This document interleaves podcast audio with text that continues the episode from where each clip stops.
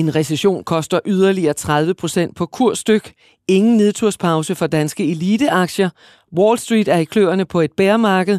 Sådan lyder nogle af overskrifterne i denne uge, hvor aktiekurser falder på stribe, mens renterne tordner op og ECB indkalder til krisemøde.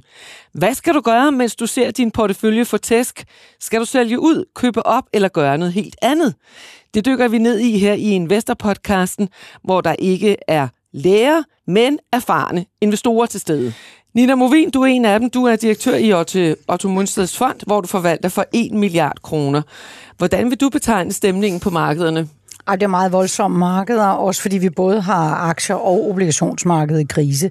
Så hvis jeg sådan skal betegne det kort, så vil jeg sige, at det er et marked, hvor man overhovedet ikke kan gemme sig.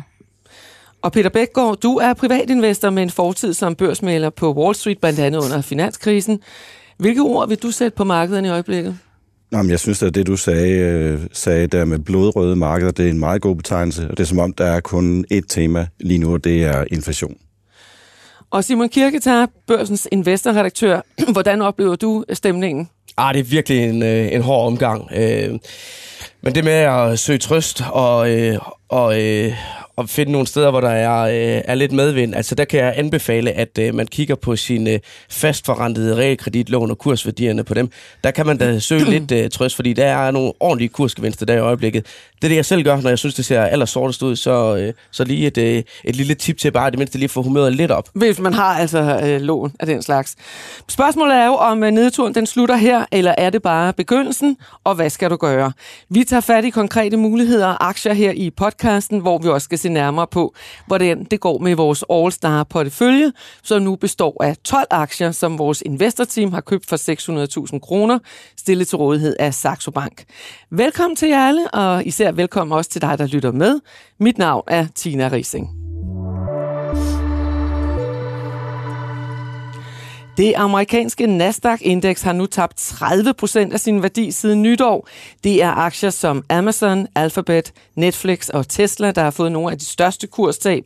Herhjemme er der også nogle store kurstab, blandt andet til Ambu, DSV, GN Store Nord og Netcompany.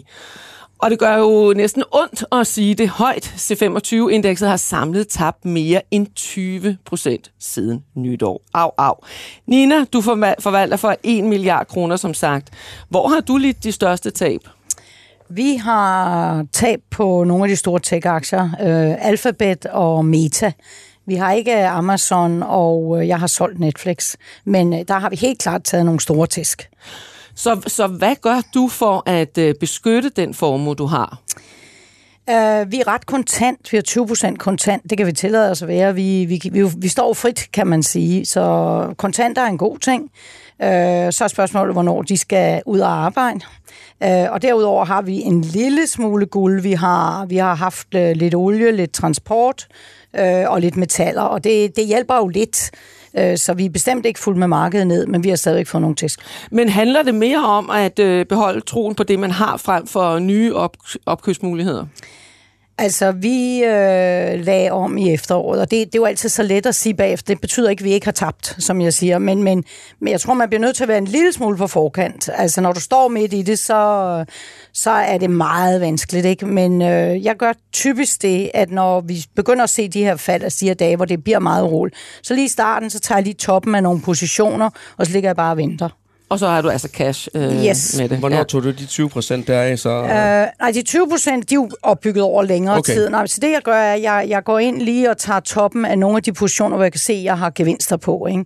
Og solgt øh, blandt andet. Altså nogle af dem, hvor jeg tænker, de her, de godt komme i stormvejr. For i starten kan du godt agere. Når først vi er her, så begynder det altså, så skal du faktisk være klar til at samle op og sige, at noget jeg skal købe. Peter, hvor har du øh, fået de største husninger? Jamen, det har jeg på, jeg har et par vækstaktier, som har fået rigtig store øh, smæk i år, og det er endda på trods af, at fundamentals for specielt MIP, som jeg ejer, sådan set er intakte, og øh, jeg var til deres kapitalmarkedsdag i Stockholm her i torsdags, og man kan sige, at de finansielle mål, de kom ud med, som strækker sig frem til 2027, er faktisk signifikant bedre, end det en marked forventer. Men en stor del af indtjeningen ligger frem øh, i tid, og, og det er jo typisk den slags aktier, som får smækket det her marked. Så efter et fantastisk år sidste år, for MIPS, og igennem de sidste fem år, så er den altså nede 50-60 procent i år, så der har jeg virkelig fået nogle tæsk. Og generelt så har porteføljen selvfølgelig også fået en, en tur ned. Ligesom, øh, ligesom øh, i modsætning til Nina, så er jeg jo privatinvestor. Og øh, så jeg ligger ikke og tager toppen af positioner, eller sælger ud i forventning om, der kommer til at ske noget. Så, så jeg er lidt mere prisgivet. Til gengæld har jeg også altid sørget for at have kontanter, så jeg kan købe op, når markedet falder meget. Og det er jo rigtigt nok, at der er begyndt at opstå en, en del rigtig gode muligheder i Så, markedet. så hvad er din øh, strategi i øjeblikket? Ja, min strategi er sådan set lidt afventende, fordi øh, jeg tror, før vi får en afklaring med hensyn til inflation, om den øh, er aftagende, så sker der ikke rigtig noget med markederne. De kommer ikke til at bunde ud, før vi får den afklaring og kan se i tal og indikatorer, at inflation rent faktisk er aftagende. Men når I nu får de her lusinger, som I øh, ærligt sidder og indrømmer, det får de fleste jo i, i øjeblikket, øh, hvor, hvor ondt gør det så at, at sidde og se på det? Jeg vil sige, det, der gør rigtig ondt, øh, og det var jo det samme under, under covid-krisen, det er, hvis du så begynder at samle op, og så kan du om morgenen købe et eller andet. Jeg købte kone, ikke? og så var den faldet 10 procent inden dagen om. Det gør rigtig ondt, ikke? Ja, jo. Altså, så ved du, okay, du stikker lige tårn ned, der er sgu ubehageligt der, og så op igen. Ja, ja.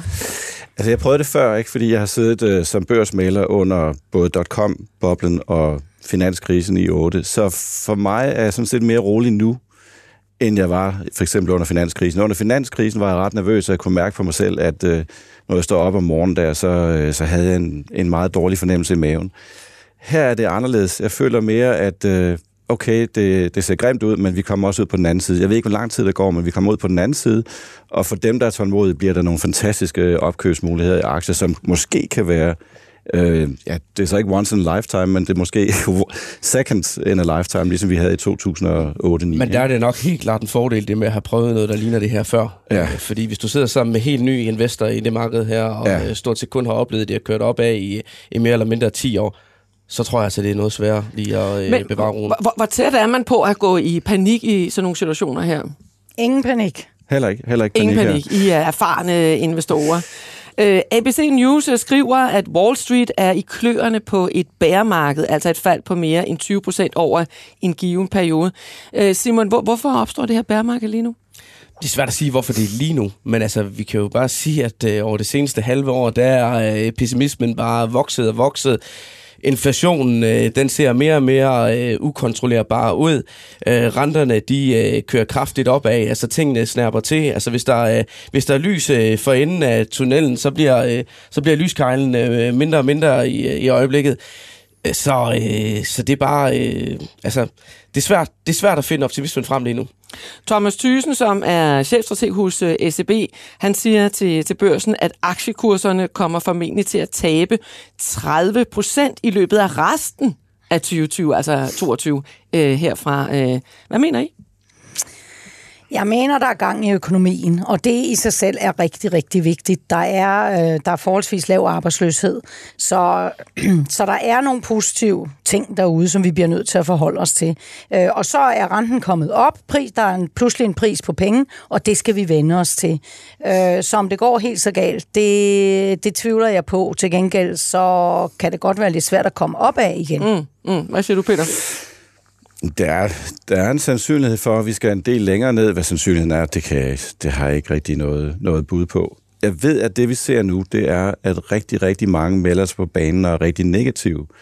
Og, og når vi får en overvejende del af markedskommentatorer og strateger osv., som er meget negative, så er det faktisk tid til at blive en lille smule positiv igen. Ikke? Det kan vi også se i de der forskellige øh, investor sentiment øh, målinger, der, øh, der kører løbende. Altså øh, pessimismen, den er, øh, den er, den er, øh, den er så høj, så høj. Altså øh, man skal nærmest tilbage til, til .com øh, i nogle af målingerne for at finde øh, noget, der er, øh, der er lige så pessimistisk som, øh, som det vi ser lige nu. Og det plejer faktisk at være en indikator på, at øh, det er tid til at, At, at nu skal op. man til at køre op. Øh, Jesper, øh, den danske professor Jesper Rangvid, han er også ude at sige, at øh, jeg tror, det bliver meget svært for den amerikanske centralbank at få bugt med inflationen uden at skabe en recession. Jeg ser det som det mest sandsynlige, at USA går i recession om et eller to år. Og, og så må vi jo sige, at netop her i dag, hvor vi øh, optager øh, og sender podcasten her i dag onsdag, så har ECB jo øh, indkaldt til krisemøde, og den amerikanske centralbank vil formentlig hæve renten i aften. Vi ved jo ikke lige øh, meget, men faktum er jo, at formentlig at markedet kan se frem til renteforhold over en længere periode. Hvis når vi kommer ind i en recession, nu siger I det her med, at, at når alle er negative, så er det et tegn på, at man skal begynde at se, se omvendt. Men hvor vil I så søge sikker havn? Hvor er det, Nina, du nævnte noget med, med guld før. Hvad, hvad gør man, øh, hvis, hvis, øh, hvad gør I, når det bliver, hvis det bliver recession? Altså, der, det er jo svært, ikke? Altså, der, der bliver du nødt til at finde nogle selskaber, som også kan klare sig der, øh, og, og det er rigtig, rigtig svært. Øh, når du en guld der, men jeg ved sådan noget Newmount, øh, Newmount Mining, det er jo mere for at have nogle små ankre i, i beholdningen. Jeg tror, under recession, der gælder det om at finde de selskaber, som er sådan steady going, og det er jo Pharma blandt andet. Nu har vi Merck i, i beholdningen der, og vi har jo Novo Nordisk herhjemme og sådan noget. Altså, det er dem, der kører uanset hvad. Det er de der lokomotiver, du skal have fat i. Og hvad siger du, Peter? Hvad, ja. hvad, hvad, hvad gør du, hvis, hvis det bliver recession? Ja, men altså, det, det, altså, man skal jo huske, at hvis man kigger på USA, så har vi snit haft recessioner hver 6. år. Og vi har jo ikke haft, øh, udover, kan du sige, øh, foråret 2020 under covid, så har vi faktisk ikke rigtig haft recessioner siden 2008-2009. Så det er ikke uventet, og det er ikke øh, overraskende, at vi får en recession snart. Jamen, øh, altså, jeg, men det er ikke på grund af scenariet. Altså, jeg er overvægt også medicinalaktier og aktier inden for medtech-sektoren, fordi jeg godt kan lide industrien som så. Ikke?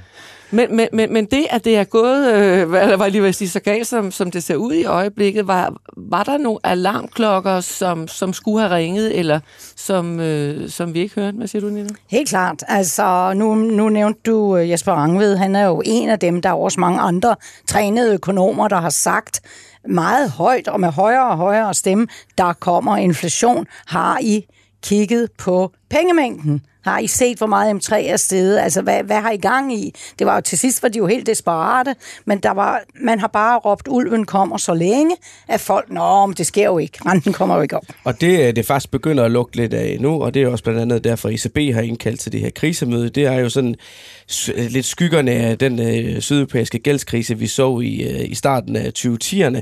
Vi ser, øh, vi ser renterne køre op øh, på øh, øh sydeuropæiske statsobligationer, den 10-årige øh, italienske statsrente, den er, i, øh, den er over 4 procent øh, for første gang siden øh, 2014. Så altså, der var sådan flere steder derude, hvor øh, tingene de begynder at, at, at brænde lidt på, og øh, det kan jeg da i hvert fald huske tilbage til dengang, at, øh, at, at den sydeuropæiske gældskrise, øh, den kørte. Det var da, ikke, det var da heller ikke et særligt øh, sjovt marked at være i der. Øh, Peter, du har været med i gamet i mange år jo. Mm, øh, mm. Wall Street. Øh, dengang øh, med finanskrisen, som du, der sad du på, på Wall Street. Ja. Var der nogle alarmklokker, der ringede hos dig her tidligere på året, som du kunne genkende fra, fra Wall Street? Altså, jeg, jeg følger jo lidt ham, uh, Lars Christensen, økonom der, og, og han skrev jo meget lige præcis om, om pengemængden. Og jeg vil sige, jeg har ikke rigtig, jeg gav det faktisk ikke videre tanke, før at uh, inflationstallene begyndte. Ja at komme op. Altså noget af det, jeg har kigget på, det er boligpriserne. Jeg synes, øh, jeg synes boligpriserne har, eller boligmarkedet har været for mig at se lidt i en boble, ikke? når man har siddet til private selskaber eller ude i byen, så har folk snakket om alle de der ejendomme, de har investeret i. Ikke? Og det mindede mig lidt om det, vi så i 2006, hvor alle sad og snakkede om deres ejendomsinvesteringer, og hvor meget boligmarkedet var stedet. Så, så det synes jeg, jeg kunne genkende fra, fra dengang. Ja, du kan jo bare se den der flod af ejendomsprojekter, der er, der er væltet ud øh, til øh, semi-professionelle private investorer ja. Øh, de seneste år. Altså, det er jo... det må, der, det må der være rigtig, rigtig, rigtig mange af. Ikke? Og det er måske, du snakker om obligationer og aktier, ikke? det er måske den sidste aktive klasse, som virkelig mangler at give sig lidt, og jeg tror også på, at det, jeg ved ikke hvor meget, men boligmarkedet skal jo også, øh, eller boligprisen skal jo nok en, en tand ned, kunne man forestille sig. Ikke? Ja, nu begynder vi at snakke renter på 5 procent. Altså, ja. Øh... F5-renten, jeg havde, havde selv et F5-lån, altså stedet fra negativ før, før jul til 2,7 procent i går. Ikke? Altså, det er en kraftig stigning, må man sige. Nina, obligationer, det er noget, du begynder at kigge på? Ja, altså det har jo været øh, afkastfri risiko, og, og, og det har det været i rigtig mange år. Og nu tror vi, at der kan være noget afkast derovre, øh, og man måske også tør løbe risikoen. Så kommer 10.000 kroner spørgsmål. Hvad er det så for nogle obligationer, du overhovedet tør kigge på? Og der tror jeg nok i første omgang, vi vil gå efter virksomhedsobligationerne. Øh, og selvfølgelig kan man der også selvfølgelig tage altså variabel frem, men man, man kunne også tage... Så jeg har for sjov været inde og kigge på, øh, på nogle af de amerikanske vir- langløbende virksomhedsobligationer for nogle af de store selskaber. Det er ikke noget, vi vil, øh, vi vil købe ind i, men jeg kan bare sige, at der begynder at være nogle ting derude, som vi skal kigge på. Nu skal det handle om aktier. Vi skal tale om nogle af de aktier, som øh, har tabt værdi, men som måske kunne være nogle muligheder. Ambo, som i forvejen havde fået mange slag over det, de seneste år, og er den mest øh, shortede aktie med mere end 14 procent her på det danske marked, er faldet yderligere og har nu tabt 60 procent siden nytår og handles i kurs 72. Selskabet har for nylig fået ny direktør, Britt Melby, tidligere fra øh, Silan Pharma, og hun har også siddet i Jambus bestyrelse. Hvad mener I om den øh, aktie? Har den en chance? Jeg synes, du er for flink ved den, Tina, når ja. du siger ned med 60 procent, altså fordi at, øh, vi er jo ned med langt over 80 procent øh, fra toppen. Det er, øh, det er for mig at se en... Øh, og det her, det var siden nytår. Ja, ja. ja men for, det er for mig at se en regulær øh, skrækhistorie øh, på aktiemarkedet. Det her. Den er banket fem år tilbage nu.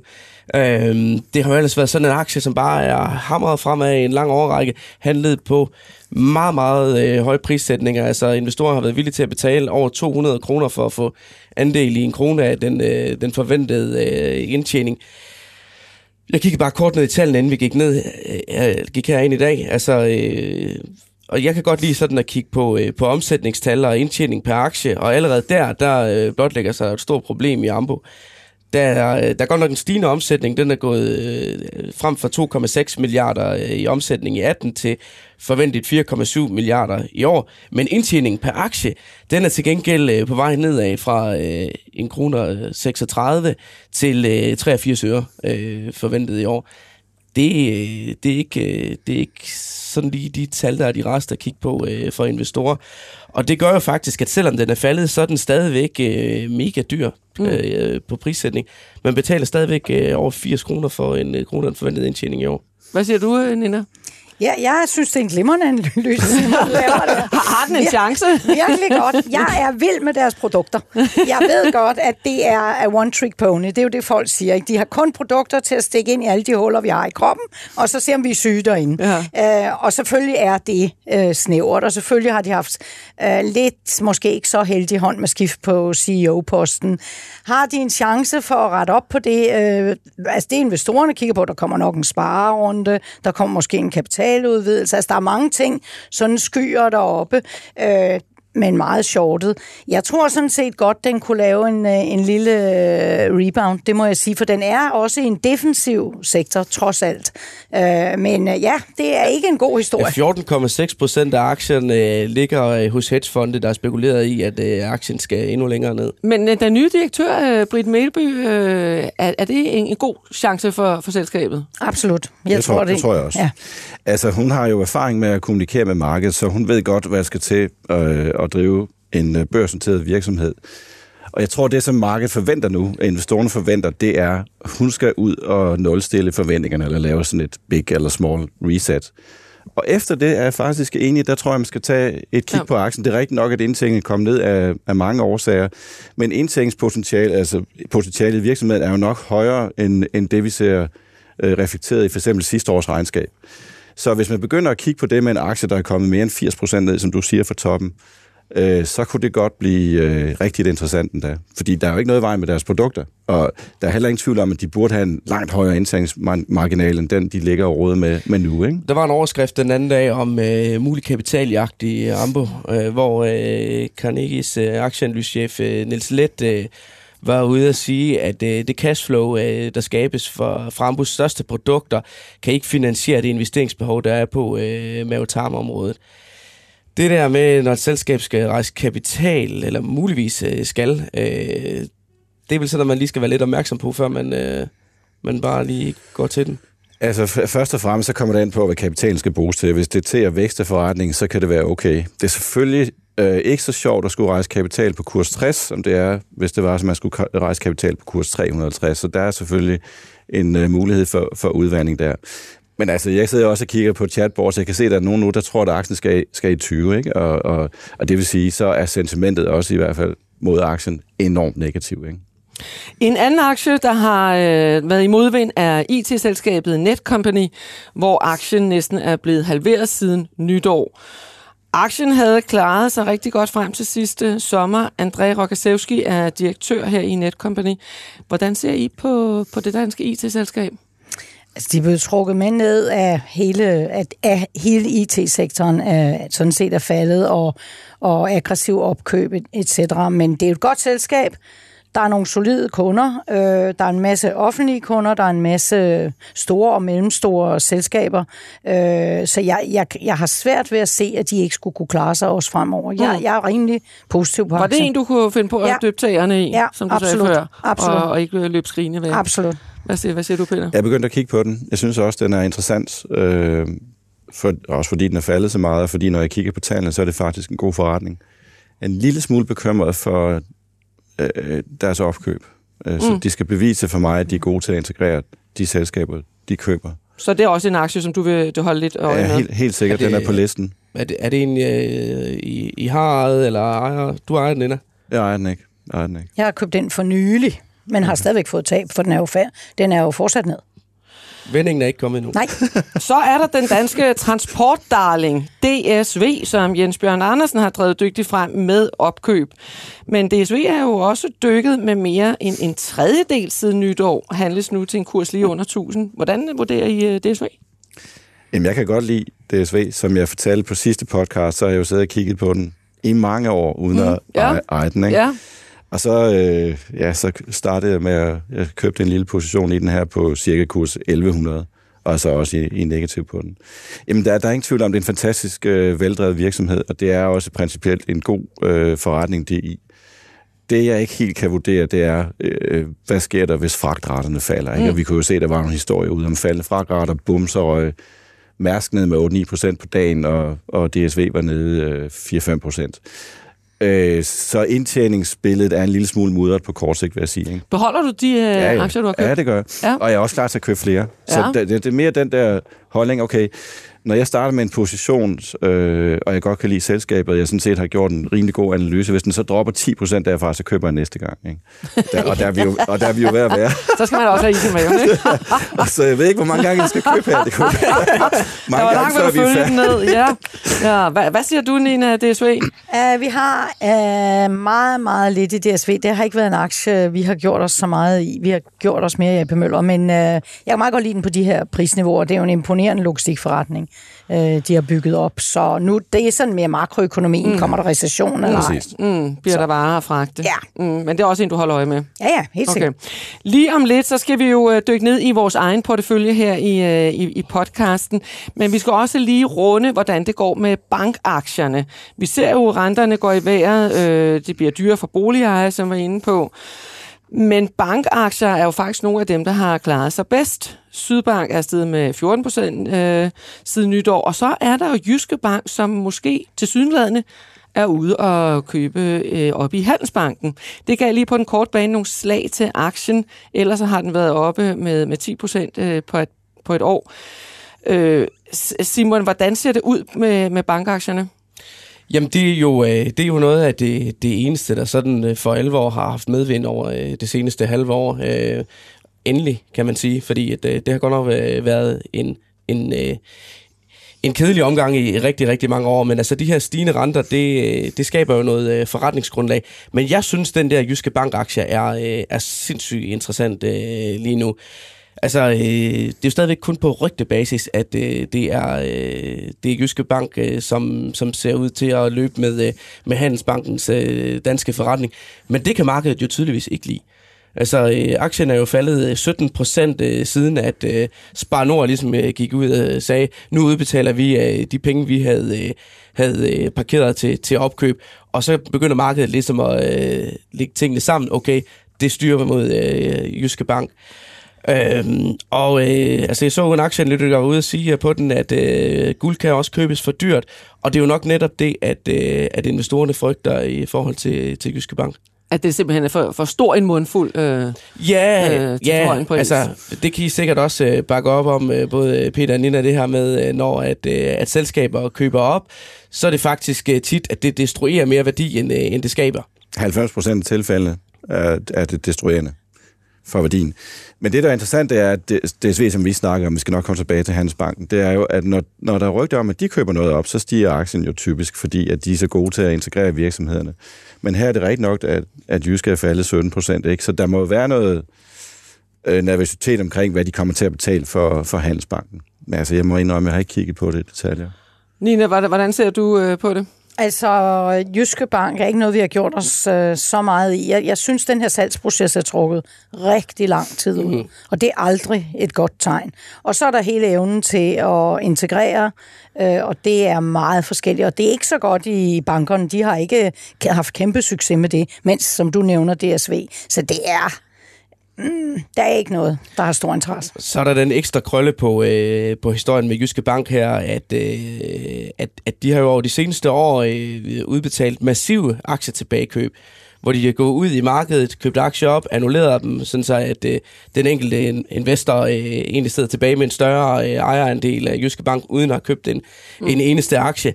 Og det tror jeg, det har for mange været et, øh, et argument for at købe øh, ind i den her aktie, fordi de ligger faktisk og, øh, og køber, øh, køber omkring øh, 10% af, af egne aktier tilbage. Og Jyske Bank har en, øh, har en ret stor kapital buffer, altså deres øh, kapitalkrav er på, øh, på 15,2 procent, men deres kapitalprocent er 22,8 procent. Og det gør egentlig, at de har 14 milliarder kroner på balancen, som de ville kunne gå ud og udbetale yderligere. Og der tror jeg, der sidder nogen derude og regner på lige nu, hvad kommer det her opkøb til at koste? Kommer det til at betyde noget for øh, det her aktietilbagekøb?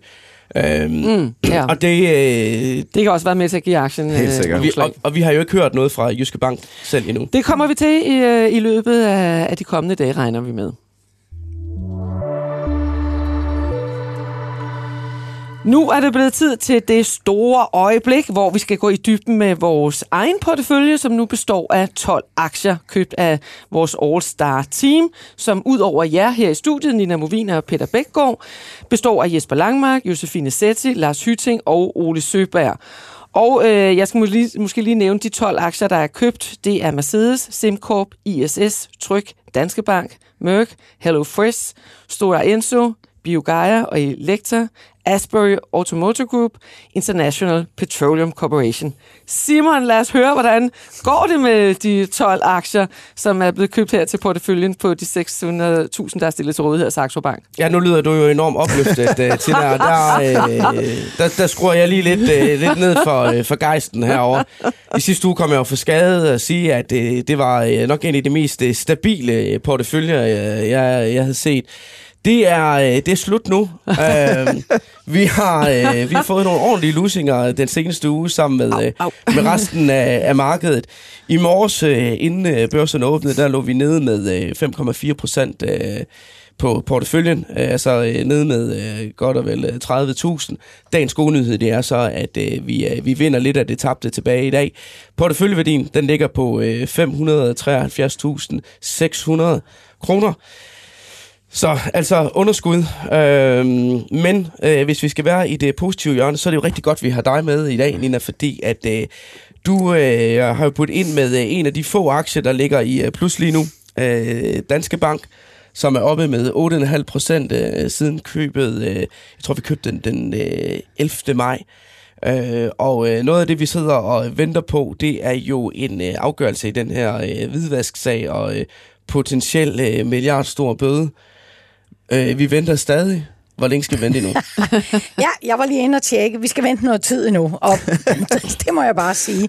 Og det er jo lidt, det er jo rigtigt, hvad du siger, men det er også lidt trist, at, at det, der sker, er jo, at man tager en aktie, som er bumpet helt ja. tilbage, smider den ind i den her beholdning og tænker, det er en 0-1-situation. Enten kommer det der hvidvask, eller også kommer det ikke. Og hvor svært kan det være, at den er defensiv, ikke? Så, så det er sådan på en lidt trist baggrund, kan man sige. Men ja, den har klaret sig glimrende, også fordi I købte på en god dag. Jeg tror, I købte på 100 103 eller sådan noget. I må have ramt den, ja, det ved jeg ikke, men det ser ud som om... 103,15. Ja, ja, jeg har ramt den på en god dag. Jeg har haft en heldig hånd. ikke? Så jeg vil, ikke, jeg vil bare sige, at, at på det tidspunkt, vi lavede den her, der var vi jo allerede ude i nogle markeder, der havde det dårligt. Ja. Og der galt det om at finde noget, der havde en vis... Der var en lille smule defensiv, og det er det der jo.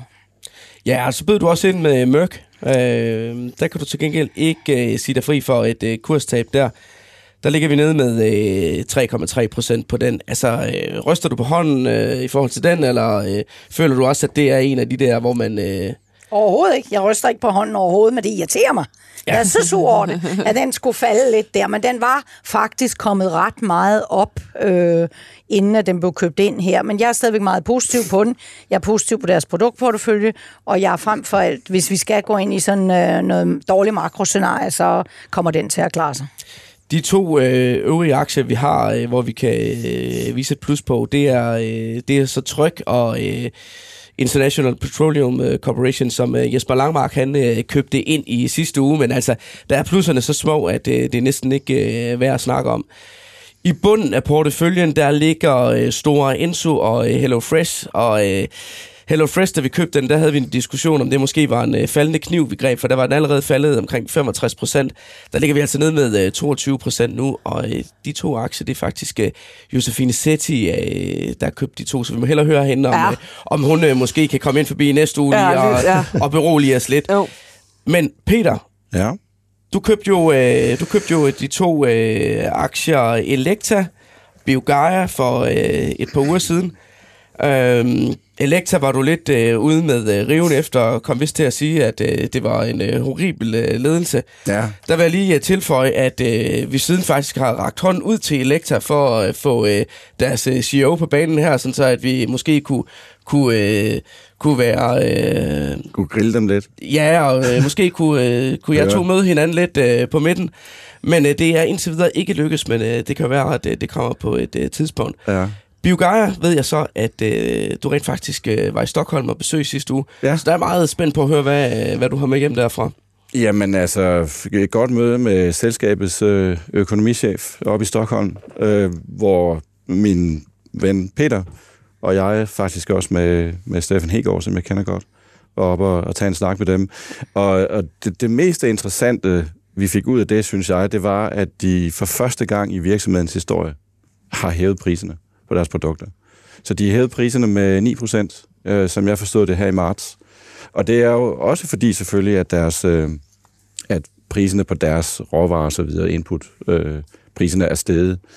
Men, øh, men altså, øh, hvis det slår igennem fuldt ud, så kan man sige, så kommer de jo til at se en effekt af det på, på 9% i, i andet og tredje og fjerde kvartal. Øh, givet at øh, at omsætningen eller efterspørgselen så ikke falder.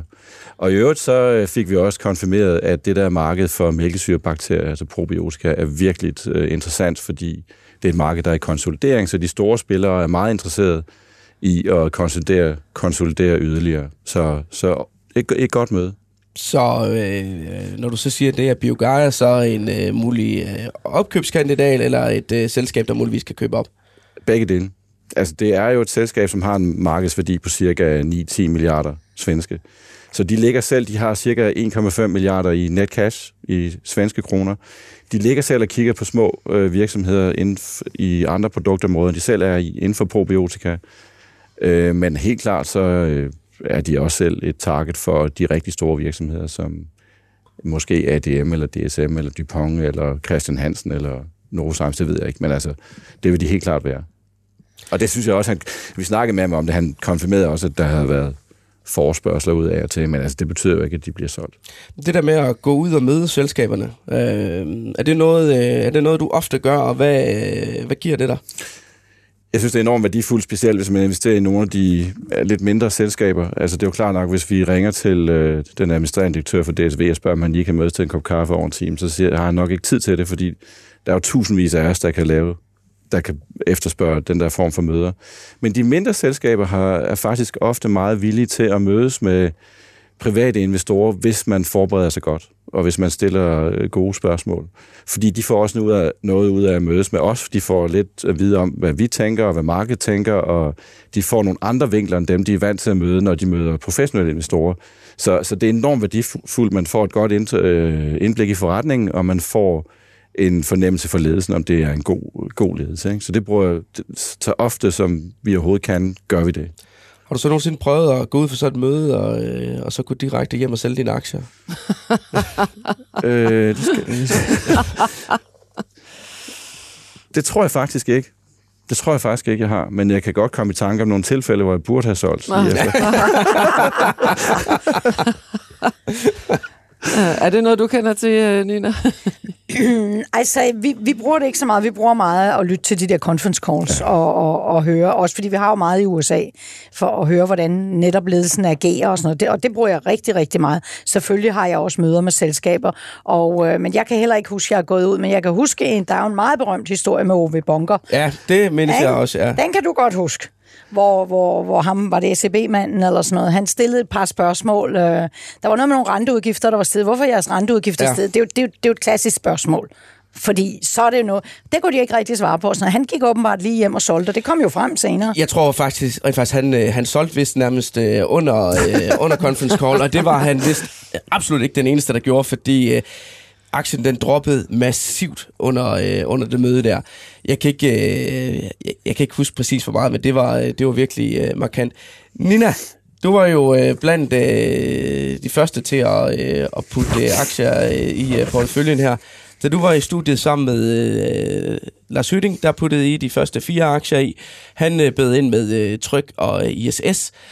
Nu har vi ligesom en, øh, en samlet portefølje her med øh, 12 aktier i, hvor at øh, aktieteamet her hver især har budt ind med, øh, med to øh, favoritter. Når du kigger ned over den der liste der, hvad er din øh, overordnede vurdering af, af den meget smalle portefølje, vi, øh, vi sidder med her. Det er sjovt, du siger det, for jeg sad faktisk lige og kiggede på det. Jeg synes, jeg synes den er udmærket spredt. Jeg synes, vi har måske lidt for lidt energi i virkeligheden, og sådan, der er nogle ting, vi har for lidt af. Øh, men samlet set synes jeg, den er, den er udmærket spredt. Og jeg synes ikke, at øh, den, det fald, der har været, er så markant faktisk i de markeder, vi har haft. Så jeg vil godt rose os lidt. Det lyder godt. Lad os øh, håbe, at det kan gå lidt fremad, trods de udfordringer, vi står midt i. Música Vi skal til at slutte Investor-podcasten for denne omgang, og inden længe bliver der også mulighed for at stille spørgsmål her til panelet, når vi sender live fra studiet onsdag kl. 10. Hvis du har ris eller ros, så send det gerne til os via mail på investorsnabelagborsen.dk, så vil vi gøre os umage med at lave en endnu bedre podcast næste uge. I studiet i dag, Nina Movin, direktør i Otto Mønsteds Fond, Peter Bækgaard, privatinvestor med en fortid som børsmaler, investorredaktør Simon Kirketab, Mihe Christensen stod for teknikken. Mit navn er Tina Rising. Tak fordi du lyttede med.